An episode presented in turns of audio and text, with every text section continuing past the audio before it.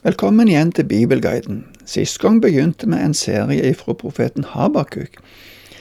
I begynnelsen av det første kapittelet hørte vi en klagesang ifra Habakuk. Han syntes det var vondt å se på alt det vonde i verden, og òg innenfor sitt folk. Så får han svar ifra Gud at straffen vil komme. Det som profeten Habakuk får høre om straffa, er skremmende for han, og han blir redd for at dommen som Gud sender over nabofolket, også vil ramme Israel. Derfor henvender han seg igjen til Gud med spørsmål om det som skjer. Vi skal lese ifra vers 12 til 17 i kapittel 1. Er ikke du fra gammel tid, Herre, min hellige Gud, du som aldri dør? Herre, du har satt dem til å dømme, vår klippe du har gitt dem fullmakt til å straffe. Øynene er for rene til å se det onde, ulykke orker du ikke å se på. Så hvordan kan du se på de troløse og tie når den urettferdige sluker den som er mer rettferdig enn han selv? Du gjør mennesket lik fisken i havet, lik kryp uten hersker. De drar dem alle opp med krok, haler dem inn med not og samler dem i garnet, derfor gleder de seg og jubler. Derfor ofrer de til noten og tenner offerild for garnet, for fra dem får de rik fangst og fet mat. Skal de da alltid få tømme noten og uten medlidenhet gjøre ende på folkeslag? Etter at Habakuk hadde hørt at kalderene, eller babylonierne, ville komme, blir han redd for hva det kommer til å innebære. Han forstår at de har makt til å dømme og straffe, men han er redd for at de vil ødelegge alt. Det ser ut som at Habakuk undrer seg over at Gud kan bruke deg som sitt redskap, et folk som ber til andre guder, altså et ureint instrument. Men allikevel klynger Habakuk seg til Gud som sin Gud. Min hellige Gud, sier han, og vår klippe. Det er vanskelig å forstå at den urettferdige, altså kongen i Babylon, får lov til å sluke de som er mer rettferdige enn de sjøl.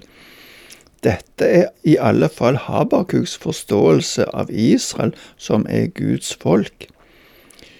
Profeten henviser til at Gud har rene øyne, så han kan ikke tåle å se på slik ondskap men i neste omgang kan det virke som en anklage mot Gud, som aksepterer at menneskene blir like forsvarsløse som fiskene blir i møte med garnet som fisker de. Han kan ikke forstå hvordan Gud kan se på de troløse uten å gripe inn i det som skjer. Det er ingen medlidenhet å spore hos kaldeerne, de jubler over det som skjer og bruker det i sin gudsdyrkelse. Det store gudebildet som Nebukadneser reiste, er jo ikke annet enn et bilde som viser stolthet over sin egen makt. Babylonierne var stolte over sine ødeleggende maktmidler. Habakuk undrer seg over at Gud lar de få lov til å gjøre dette, og vente at Gud snart ville straffe dem. Det var som et krav om å få svar. Han forventer svar, og i kapittel to ser vi i starten av kapittelet at han vil sette seg ned og vente på svar. I vers 1 i kapittel 2 sier Habakuk at han vil stå på vakt. Vi skal lese de første tre versene i kapittel 2. Nå vil jeg stå på vakt, stille meg på muren og speide for å se hva han vil si til meg, hvilket svar jeg får på min anklage. Herren svarte meg, skriv synet tydelig på tavler så det blir lett å lese, for synet venter på sin fastsatte tid, det vitner om enden og det lyver ikke. Om det drøyer, så bare vent, for komme skal det, du kommer ikke for sent. I vår oversettelse står det at han vil stille seg på muren. Norsk bibel oversetter det med varde, og i noen engelske oversettelser står det tower, altså tårn. Det som ligger bak dette uttrykket, er en plass en har god utsikt for å kunne se hva som kommer til å skje. Han har forventning om at Herren vil tale til han. Han forventer at det skal komme et svar på klagen han har framført. Kanskje dette kan gi oss en hentydning til holdning i forbindelse med bønn, og også klagerop.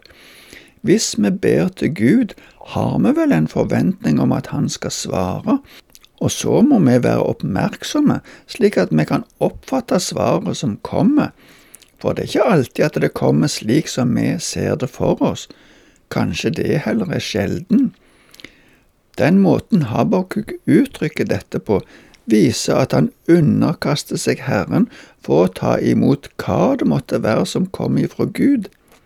Gjør vi det? Så kommer svaret ifra Herren.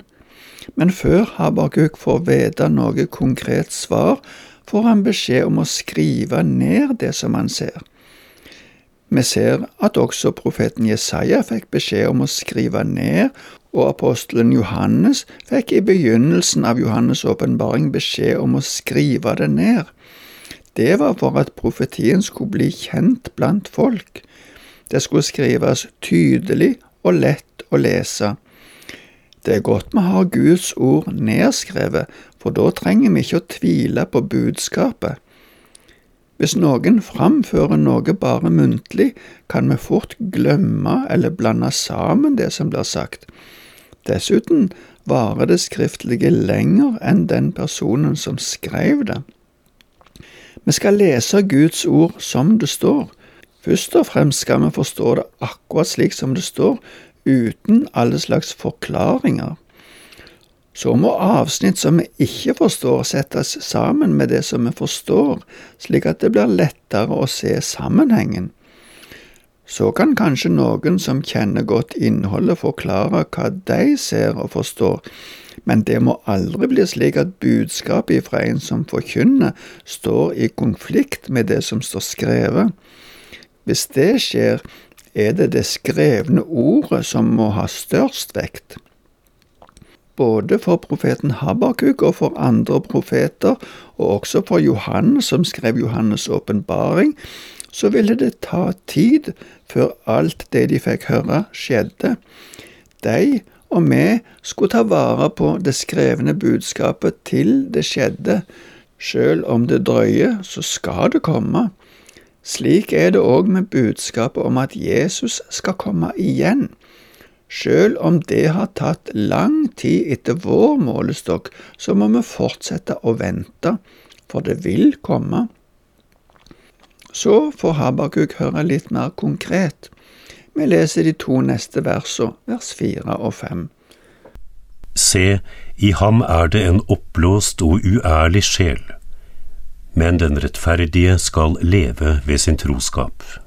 Sannelig, vinen er troløs.